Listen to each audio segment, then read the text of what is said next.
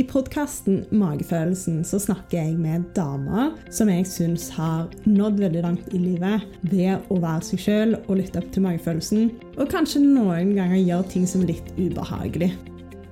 I dag har jeg en utrolig spennende samtale med Gry Hammer.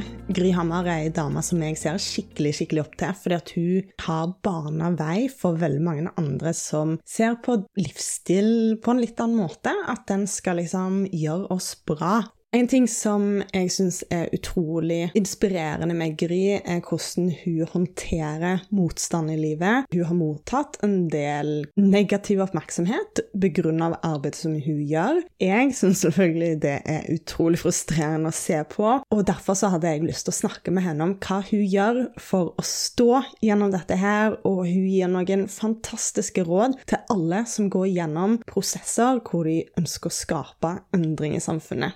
Gry gir gode tips om hvordan å la ting prelle av seg, og hvordan å manøvrere et landskap som ikke nødvendigvis gjør oss gode naturlig. Hun har selv erfart hvordan en ikke så positiv livsstil kan påvirke kroppen, og er utrolig nysgjerrig på løsninger som gjør at vi får det bedre med oss sjøl. Det er ikke sånn at en livsstil som gjør oss som mennesker bra, nødvendigvis faller oss naturlig. Vi har en tendens til å velge mat som vi craver, som ikke gjør oss bra på lang sikt. Vi har en tendens til å gjøre for mye og bygge opp et stress i kroppen som òg bryter ned kroppen. Vi snakker om vanskelige valg, vi snakker om tilrettelegging, og at vi er nødt til å møte folk der de er. Jeg satt igjen iallfall med veldig mange gode tanker og mye nysgjerrighet etter samtalen min med Gry, og det håper jeg at du òg gjør. God lytt.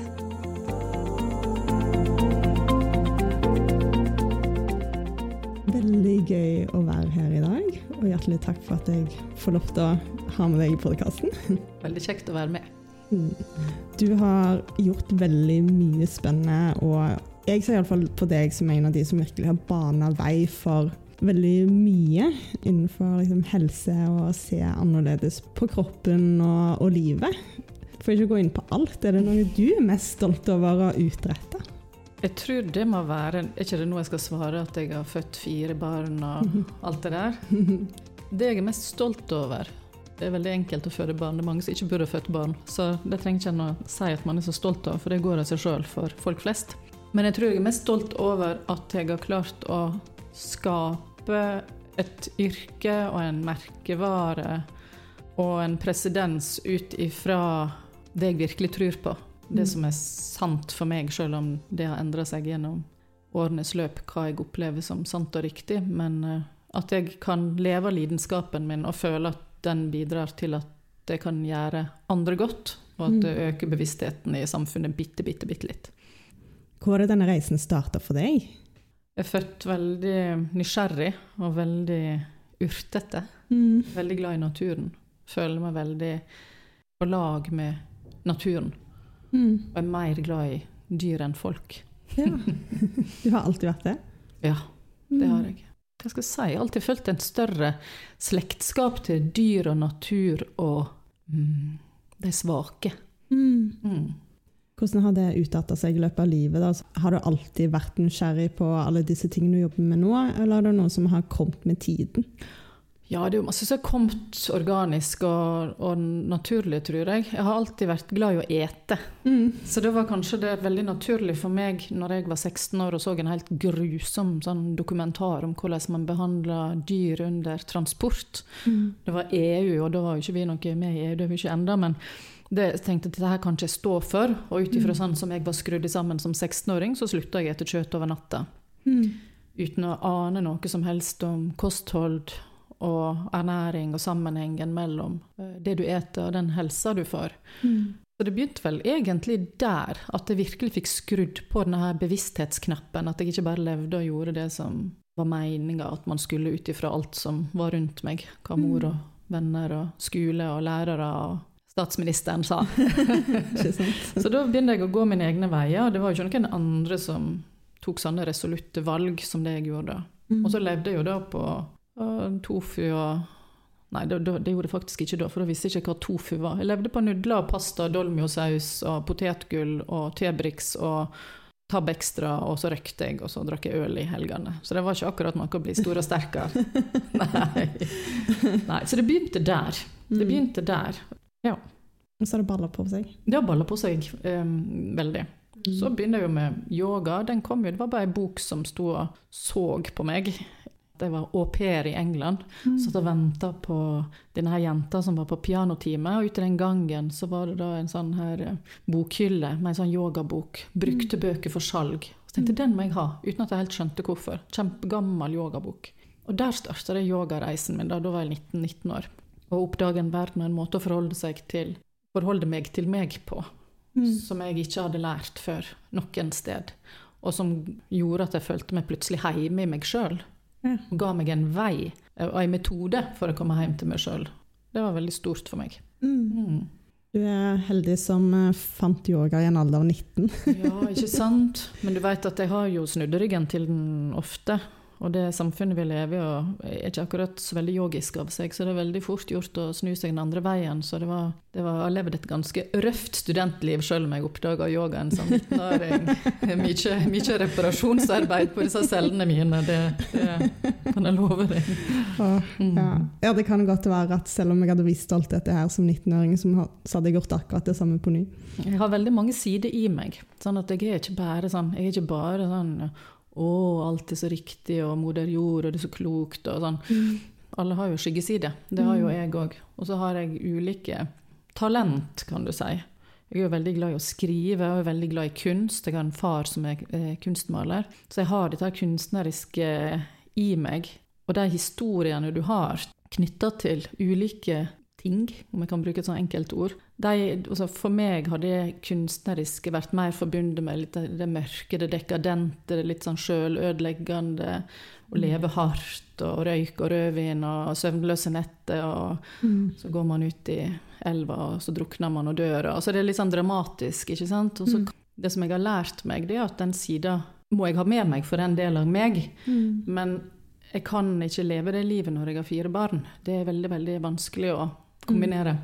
Så det å integrere den kunstneriske, kreative sida i meg på en måte som er bærekraftig og regenerativ. At jeg kan våkne neste morgen og skape på nytt og ikke trenge 14 dager på å komme meg. Sånn som det var i gamle dager, i mine studentdager.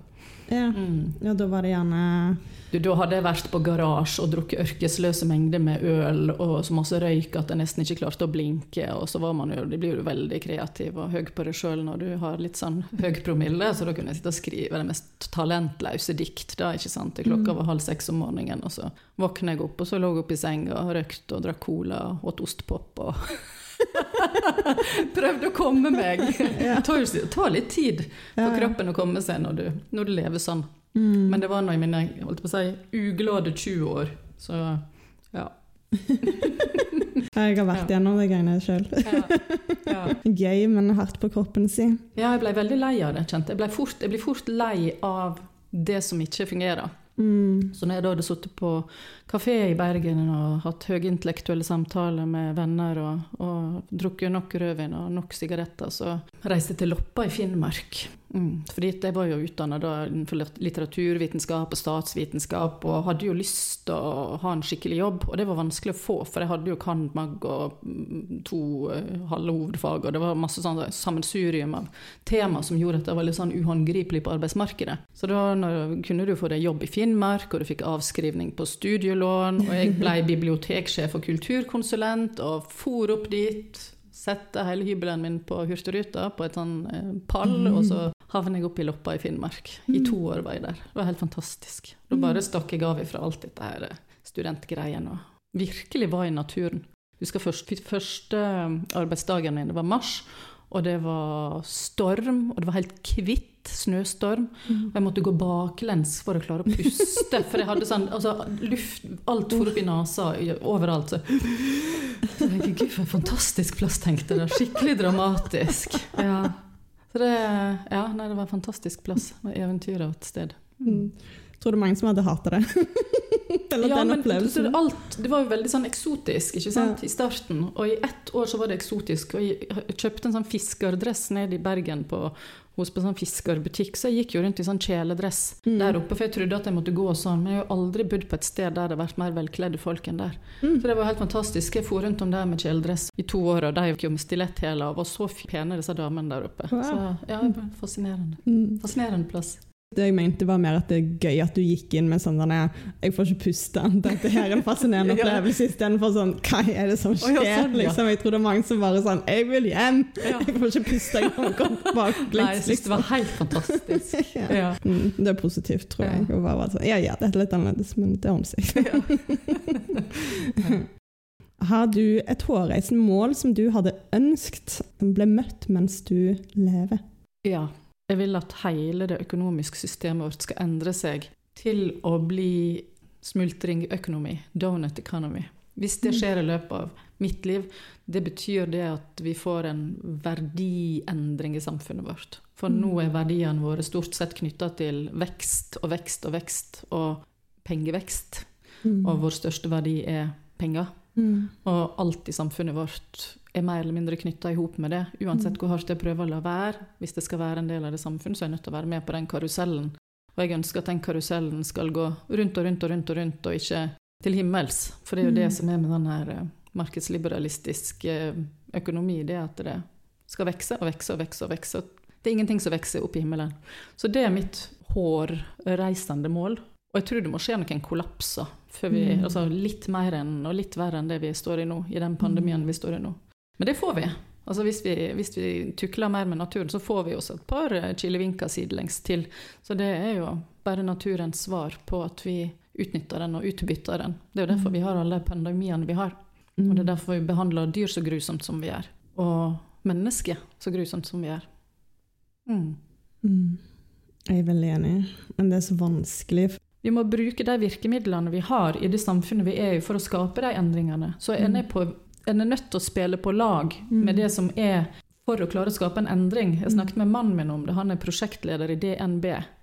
Apropos en forlengelse av det vi egentlig har snakka om nå, og er det greit egentlig at han gjør det?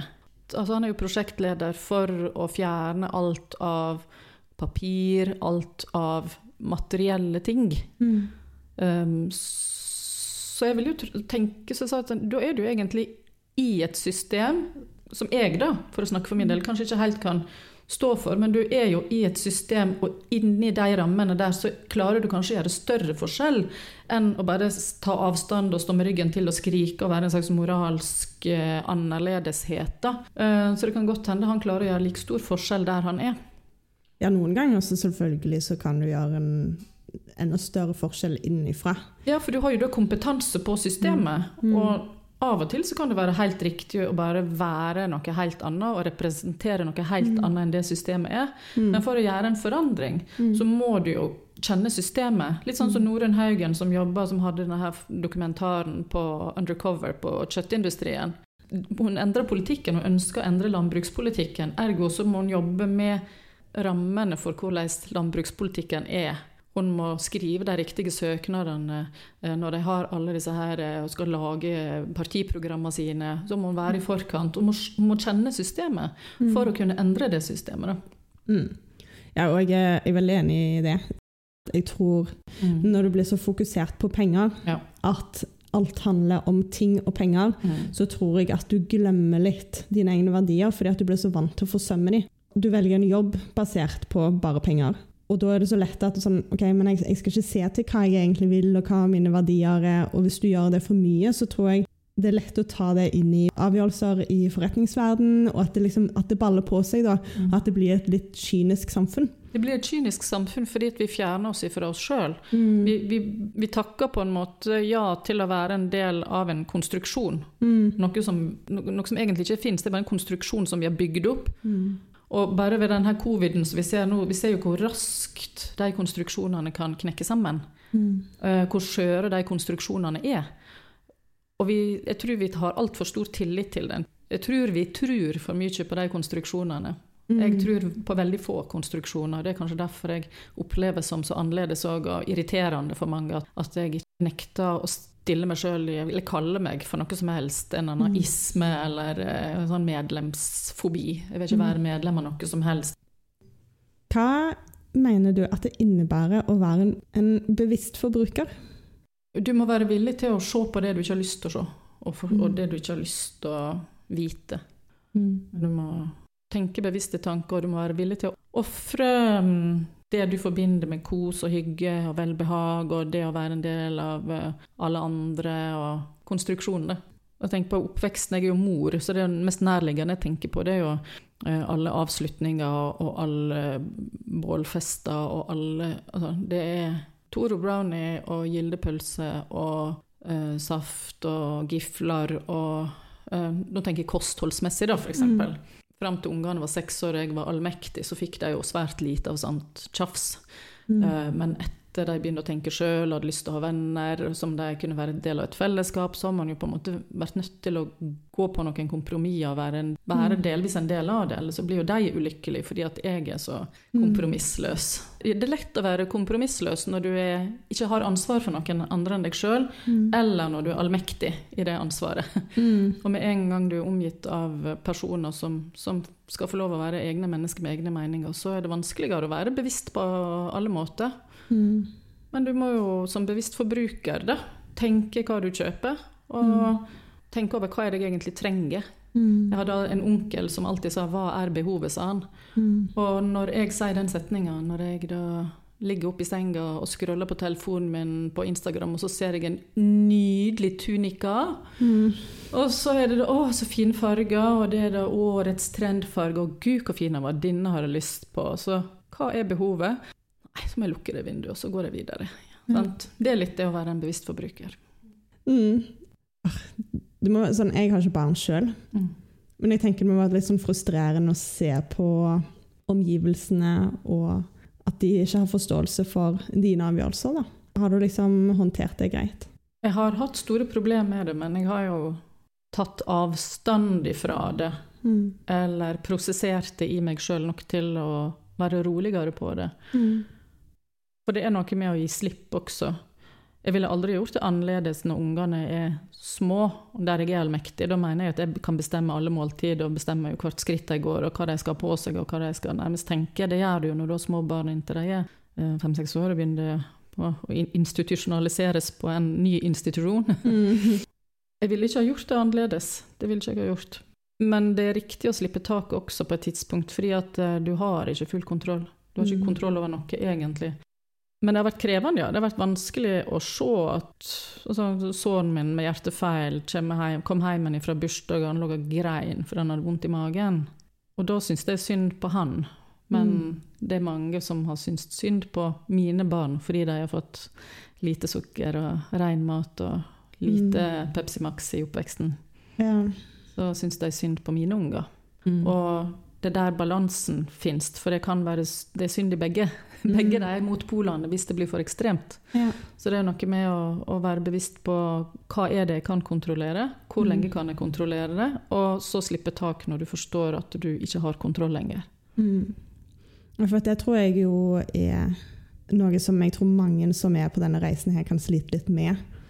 Jeg følte veldig veldig mye motstand når jeg la om. Jeg måtte legge om kostholdet og livsstilen min pga. Eh, helsa mi, Mm. rett og slett. Og opplevde egentlig at det var veldig vanskelig for alle rundt, og at de sleit litt med å forholde seg til det. Og jeg egentlig forventa litt at jeg kanskje skulle ta mer hensyn til de, og bare på en måte tilpasse meg i alle situasjoner. Hvis jeg var i, i selskap, så var det høflig å spise den kaka som var lagd. Og, og sånn, og så var jeg sånn OK, men jeg blir faktisk veldig dårlig av det.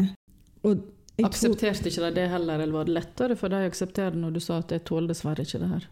Nei, det var en del som på en måte ble litt fornærma. Det tror jeg handla om at de hadde lagd kake, og da er det høflig å på en måte spise fordi at de har brukt energi på det, hvis du skjønner. Men da sier det jo mer om deg enn om deg, tenker jeg. Ja, og det kan godt være, men det tror jeg er noe som mange som opplever i startfasen. Men det som jeg tror også er en viktig del Mm. i den startfasen, det er at du kan si at når jeg ble vegetarianer over natta, så var jeg så rasende. Jeg var så sint.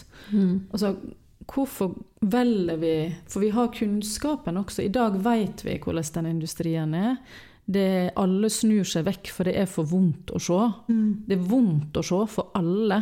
Likevel har vi mennesker den evnen til å bare eh, snu oss og se en annen vei, fordi det er enklere.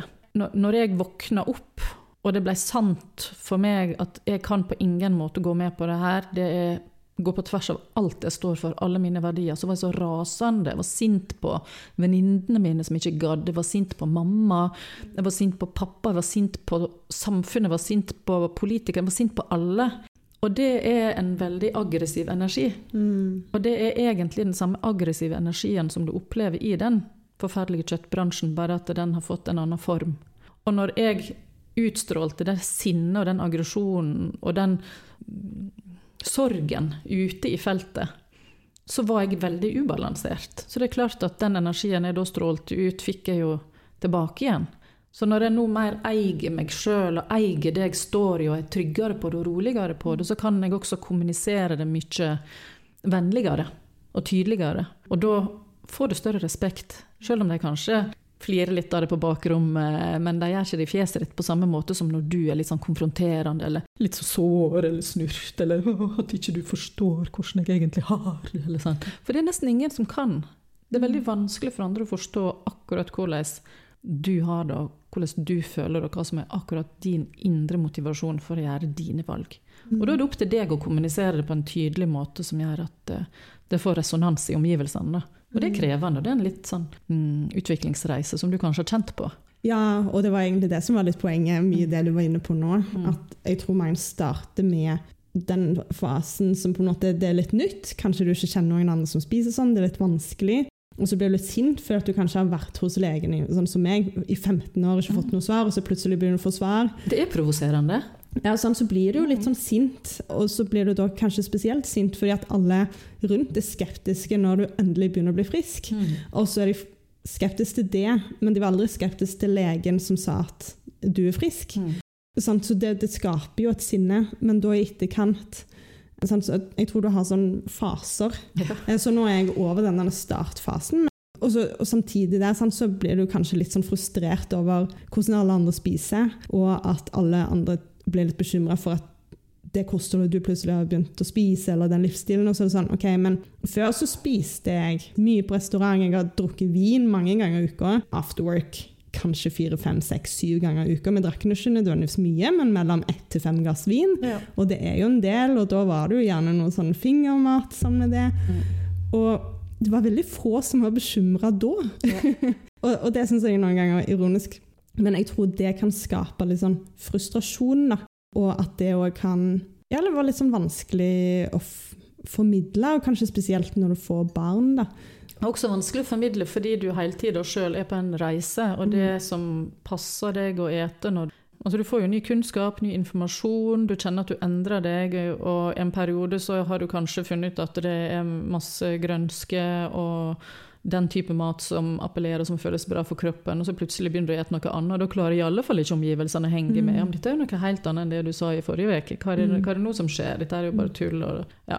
Du er jo sjøl på en reise og må få lov å være det, og da må en tåle, tåle at andre ikke forstår det eller vil forstå det, eller er på sin helt egen sti og har en helt annen oppfattelse av hvordan det henger sammen. Mm.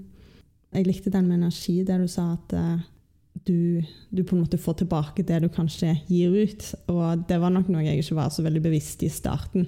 At det var veldig mye sårhet og sinne og frustrasjon i meg. Hvor jeg gjerne søkte egentlig at folk skulle liksom hjelpe meg med de følelsene, men istedenfor så reflekterte de de følelsene, og så ble det større. Det er akkurat det. Da blir, da blir smerten og ubalansen forsterka. Mm. Og så føles det så mye bedre nå når jeg er inne i liksom, et miljø, og det er mange som har begynt å tenke på den måten. Da. Og det tror jeg For da er du, aktivt, ska, du er på en måte mer aktivt skapende i det du ønsker å endre. Sant? når jeg ønsker å endre matsystemet, så er det viktig for meg å bygge et nettverk med mennesker som vil det samme. Det er vanskelig for meg å bygge nettverk med folk som ikke vil. Det går ikke an. Mm. Det går ikke an, Og du får ikke gjort noen forandring da. Mm. Så for, for meg har jo det beste jeg gjorde, var jo å begynne å blogge. Det var så lurt, det. Mm. Eh, fordi at da tiltrakk jeg meg de som var på samme bølgelengde som meg. Og så Mm. sammen klarer vi å skape noe som er større Mm. enn når jeg bare sitter og stanger med mannen min eller mora mi eller bestevenninna mi, som fremdeles skiter opp i alt jeg snakker om, men hun er likevel bestevenninna mi. Mm. Og det, også, det var også en sånn oppdagelse for meg å forstå at å, gud, gud, hvor deilig, nå kan jeg sitte og prate med mannen min og mora mi og bestevenninna mi og, om, om helt andre ting. Mm. Nå kan vi snakke om hår og negler og sex og naboen og bestemor og alt det som vi har til felles. Vi har så mye annet til felles enn akkurat det her som jeg brenner for. Og hvis jeg skal skape en forskjell, så må jeg jobbe på et større plan enn å bare sitte over kjøkkenbordet også. Mm. Hvis jeg skal endre system. Mm. Ja, og det, jeg tror det er lett å skyve folk fra seg, og at livet plutselig blir vanskelig en periode når du blir veldig engasjert. Og da blir det plutselig sånn, nesten litt sånn polariserende. Ja. Fordi at eh, å, jeg er nødt til å bare henge med folk som tenker det samme som meg. Men det er jo bare en liten del av livet, og det er jo veldig mye annet òg som det går an å engasjere seg for, selv om dette er viktig for deg. da. ja, det er det. Mm. Det er det.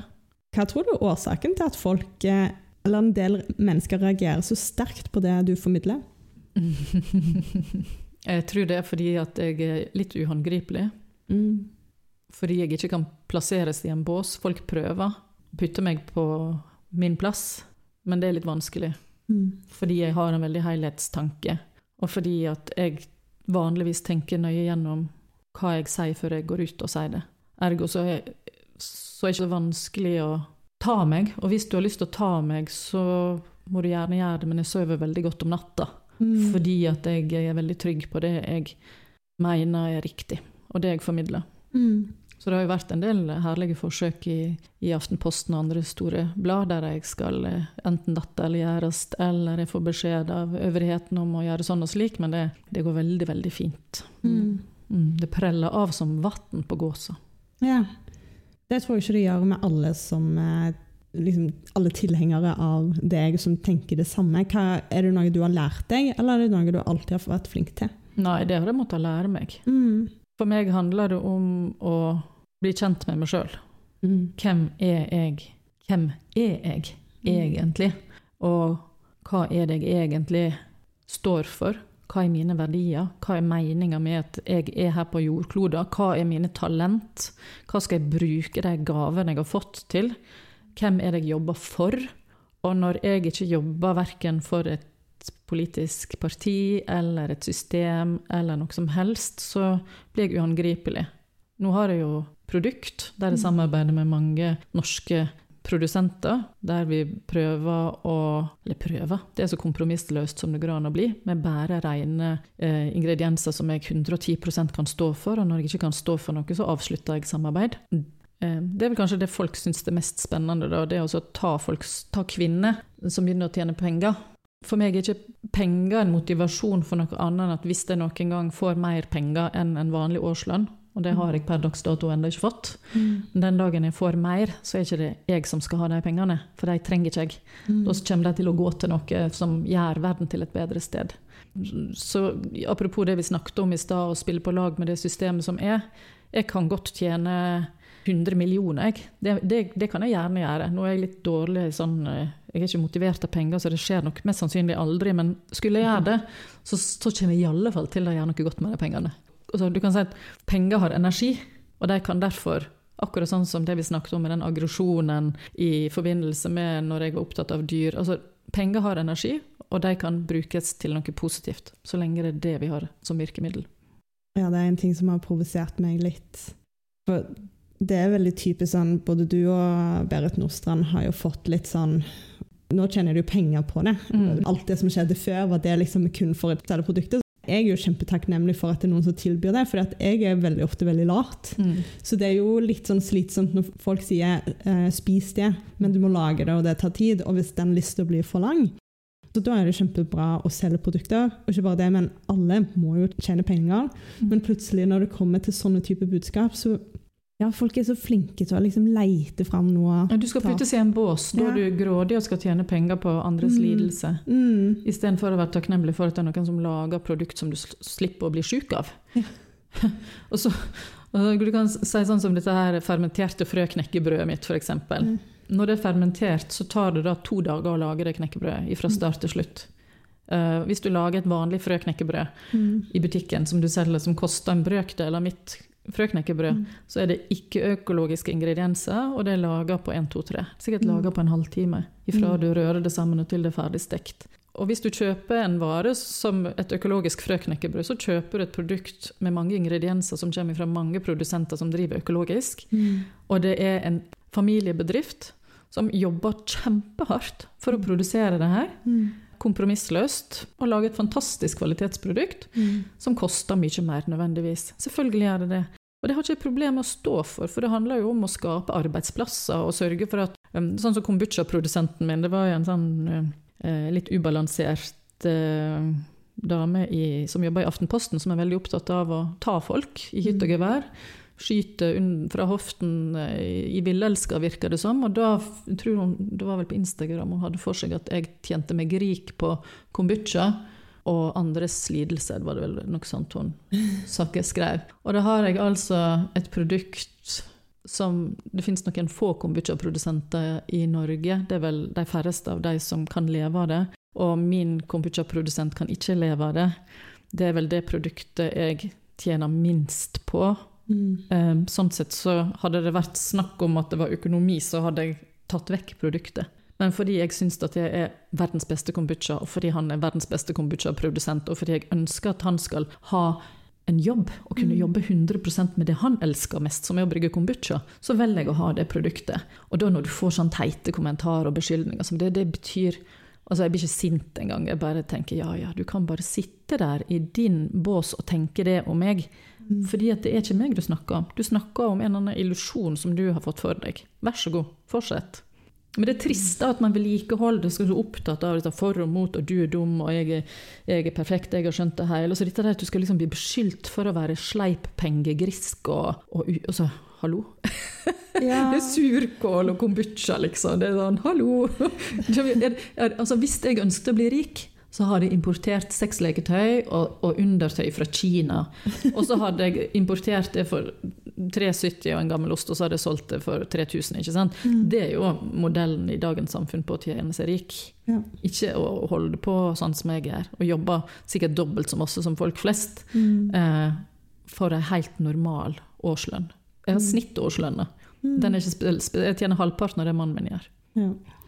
Men det er jo mediebransjen i stor grad nå føler jeg er ute etter å henge ut folk. Og så kanskje graver de ikke nok hvis de hadde visst hva du står for. Mm. Så det du prøver å formidle, er jo ikke liksom å skape masse penger. Det handler jo om å skape verdi, og at folk skal ha det bra. Mm. Og da kjenner jeg litt sånn Jeg blir litt sånn skuffa noen ganger når jeg leser artikler, og dessverre så er det en del som liksom leiter. Som med en gang det er noe negativt mot f.eks. Berit Nordstrand, Mm. Så liksom plukker de det opp med en gang. Og så er det sånn Å, her har du bevis på at dette ikke er bra. Mm. Det er det jeg har sagt hele tiden. Og så er det bare sånn Ja, men sett deg nå virkelig inn i hva hun står for, da. Men at folk som lever mer normalt, da, mm. at de, de, suger til seg sånn informasjon. Og derfor så er det så skadelig når mediehus publiserer. da. Ja, det er fordi vi lever i et stykkevis og delt samfunn, og at vi ikke har denne her politikken om at vi ønsker å forstå hele sammenhenger. Vi vil bare ta ut et lite bruddstykke og lage et kjempestort nummer av det, få mest mulig kliks og likes. Og så etter jeg hadde hatt brystkreft, så ble jeg intervjua, og så sa jeg til hun at uh, jeg eh, har vegra meg lenge for å bli intervjua, fordi at jeg hadde ikke lyst til å bli kreftgry. Jeg så liksom for meg overskrifta som 'Helseprofeten har fått kreft'. Og vet du hva hun slo opp som overskrift? Mm. Akkurat den sitatet der var det hun fryktet mest. Så da fikk hun brukt det sitatet til å flashe en sak. Og da, da sa jeg til henne at det var den overskriften jeg frykta mest. Derfor ønsket ikke jeg å være med på et intervju, så dette er det første intervjuet jeg er. Og Det sier litt om naturen til media.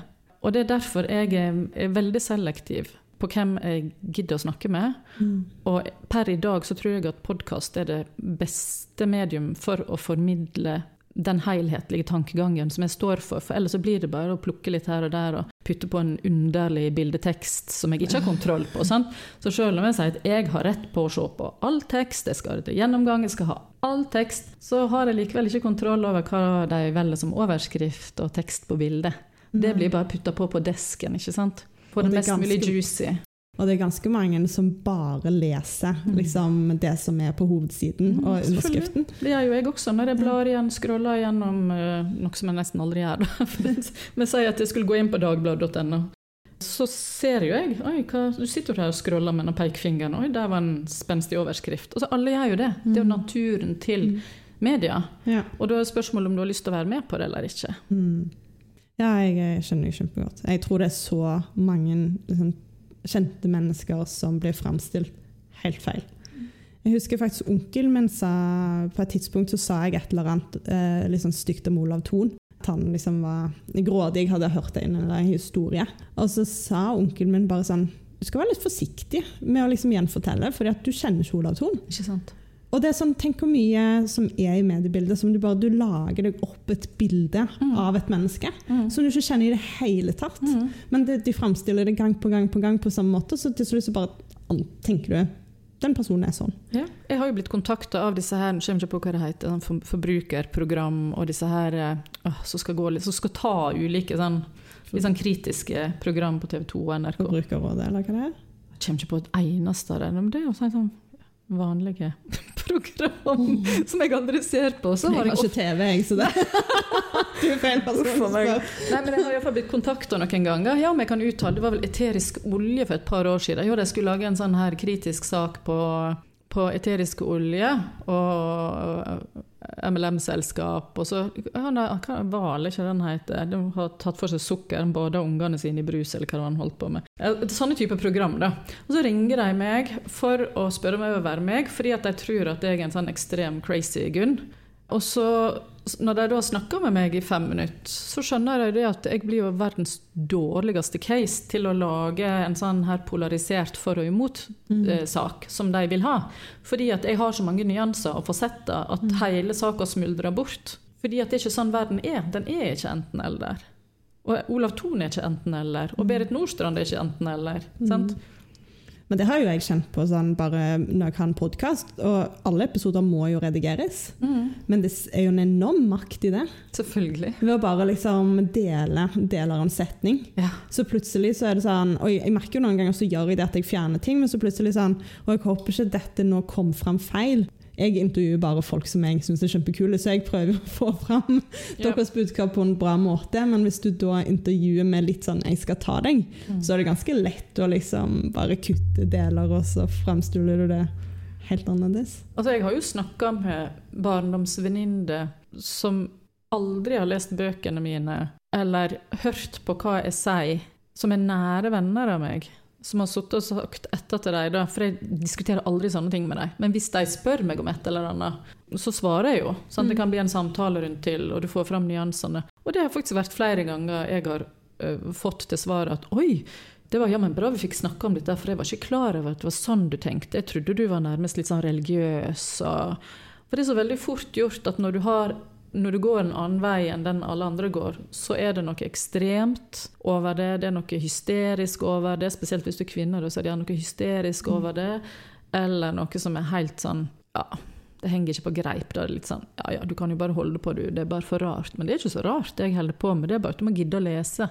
For du lager deg en mening om hvem jeg er, så må du gidde å lese en eller to blogginnlegg eller artikler jeg har skrevet om det. Jeg og hun Susann Sundfør eh, skrev en grundig artikkel på matsystemet vårt og hvordan klima og matproduksjon henger sammen.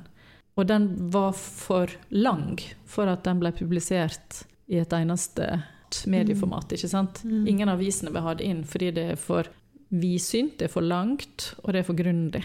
Det er ikke denne her at du kan ta én ting, blåse det opp, lage stor bravur eller få en diskusjon. Vil helst ha en diskusjon, da. Få noen som bare går ut bam med én mening, sånn at du kan få fortsettelsefølger, at noen kan bite på, og så komme med et motargument, og så har vi det gående. Da kan vi sitte og krangle. Og jeg gidder ikke å krangle. Nei. Nei. Og verden er jo nyansert. Det er, jo sånn, jeg tror alt er, så, det er veldig vanskelig å si helt sånn sort-hvit. Jeg syns det er mye mer interessant å lese egentlig artikler som tar tak i liksom, ulike sider av saker og, og forklare hvordan dette her er problematisk. Men det er jo fordi du er nysgjerrig og vil vite mer. Altså vi sier at Hvis du oppsøker media da, eller leser Aftenposten, VG, Dagbladet, så er du jo ute etter å få en bekreftelse på enten at noen har det samme syn som du har, eller det stikk motsatte. Det er det du får bekrefta. Det er enten-eller. Det er ikke nyansene. Fordi det er for snevert, det er for smalt, det er for spissa, det er for isolert ifra en helhet. Mm. Ja, jeg, jeg har bare sluttet å gå inn på Dagbladet. For det er så mye sånn clickbates. Har ingen funksjon. Først så får du lære hvor mange smittetilfeller det er. Det står øverst.